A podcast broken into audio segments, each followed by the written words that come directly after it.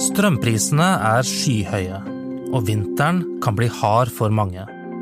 Vivian Igelkjønn gjør alt for å spare strøm, og hun har noen gode triks i ermet.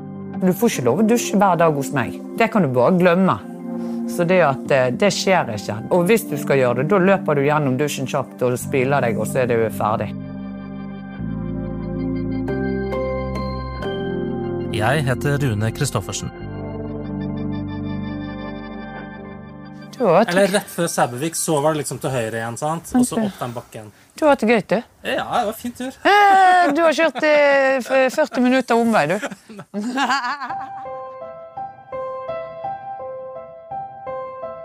Hvis du kjører over noen fjorder og høye fjell, gjennom lange, bratte tunneler og mange mil på smale bygdeveier, så kommer du etter hvert til et koselig rødt hus med stor hage og sjøutsikt. Jeg har dratt til Hellevik i Fjaler, ca. tre timer fra Bergen, der Vivian har funnet drømmestedet sitt. Vivian er egentlig en ekte Sandviken-jente, men i april flyttet hun på landet etter et samlivsbrudd, og hun stortrives. Tenk deg denne utsikten når høststormen er, og du ser det går hvitt utpå der, og sitte med en god kopp kakao med krem i. Oh, det er livet. Og hører du det uler, og du kjenner det der. Åh, det er varmt og godt. Oi, oi, oi. Det er at man har det bra. Men for å lage den kakaoen, så må hun ha strøm. Og akkurat nå gjør Vivian alt hun kan for å holde strømregningen nede. For prisene har skutt i været. Ute i hagen henger det tunge klaser av bær på rognetrærne. Du vet hva det betyr, sier Vivian. Hun frykter en kald vinter med mye snø. Akkurat her som vi er, her kan det bli veldig kaldt. For vi ligger helt ved havet. Så vi får de kalde havvindene det inn og det. Vivian viser meg rundt i huset. Hun har pusset opp første etasje selv, og på veggene henger bilder av de sju barna, seks jenter og én gutt. I andre etasje er det gjesterom til hele storfamilien. Men de rommene har Vivian stengt av for å spare oppvarming.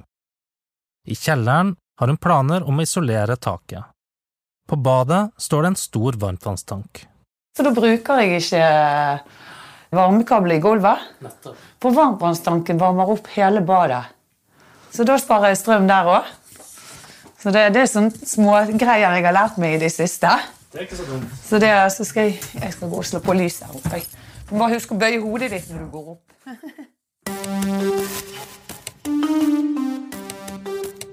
Det har skjedd noe rart med strømprisene. I fjor var strømmen til tider nesten gratis. Da vi passerte nyttår, spratt prisen til værs, og den holdt seg høy gjennom hele sommeren. I juni var strømprisen 14 ganger høyere enn året før. Og så ble det bare verre. Aldri har strømprisen vært så høy i august som i år. September var også helt uvanlig. For Vivian ble det en brå overgang å flytte fra en leilighet til en stor enebolig. Men du, den første tiden når du flyttet inn, hvordan gikk det med kulden her da? Det var eh, Da hadde jo huset her stått tomt i seks måneder eller noe. Så du hørte jo det. Når jeg begynte å fyre, så hørte du det knakte godt i panelet her. Det var sånn når du lå om natten og hørte Og jeg bare Oh my God, nå kommer det noen. Sånn. Men så skjønte jo jeg til slutt Nei, det er jo treverket har jo vært iskaldt her. Så det knakte godt, da, men når du først fikk varme i veggene her, så holder de godt på varme nå, da. Så det- Og så er det det å lære seg hvordan man skal fyre. Fordi at jeg syns det brukte så sinnssykt mye ved, og tenkte å gud, dette blir dyrt for meg hvis jeg skal holde på med så mye ved og betale så mye for veden. Nei, vet du hva, Her, dette må googles. Så jeg googlet hvordan fyre opp i en ovn og hvordan holde jevn varme. og sånn. Så, så jeg satte meg ned og leste på brannvesenet sine sider og leste meg opp på tingene og sånn. Så det der. Og så kom jo strømregningen, og det var Wow! Eh, nei, ain't gonna happen. Den høyeste jeg hadde, var 3008, og det var da jeg klikket og virkelig tok tiltak og satte meg inn i dette her og leste meg opp på ting. Og, og da gikk jeg inn på elskling.no. Elskling.no er en nettside der du kan sammenligne prisene hos forskjellige strømleverandører. Jeg trodde først det var en datingapp. Så tenkte jeg, Hvorfor sier alle at jeg må gå inn på der og slå inn? Tenkte jeg, ja da, Der prøver de å lure meg, tenkte jeg. Men når du har fulgt med på strømprisene da, mm. utover sommeren og utover høsten, hva tenker du om den stigningen som har vært? Skremmende, altså. Jeg, jeg bare Jeg får vondt i magen, rett og slett. Da sitter jeg og tenker på andre òg. Og tenker det at herregud, du har unge. Det er først og fremst været som er forklaringen på strømkrisen. Det har vært et uvanlig tørt år i Norge. Og så har det vært nesten vindstille i lange perioder sørover i Europa. Det betyr at det har vært lite billig vindkraft å hente fra kontinentet. Egentlig handler dette om mye mer enn strøm. For prisen har gått rett til værs både for gass, olje, bensin og kull. Grunn av dyrere CO2-kvoter. Mens lommebøkene blør hos vanlige folk, strømmer det inn enorme pengesummer andre steder. Staten har aldri tjent mer på salg av gass og olje enn nå. 70 milliarder kroner bare i august. Og de offentlig eide kraftselskapene har gode tider. Nå skal jo regjeringen så jeg nå på nyheten i dag at de skal sitte seg ned og diskutere strømavtaler. Ja, det bør de! Det, det er mildt sagt. Tenk på aleneforeldre. Sånn som jeg som er uføre.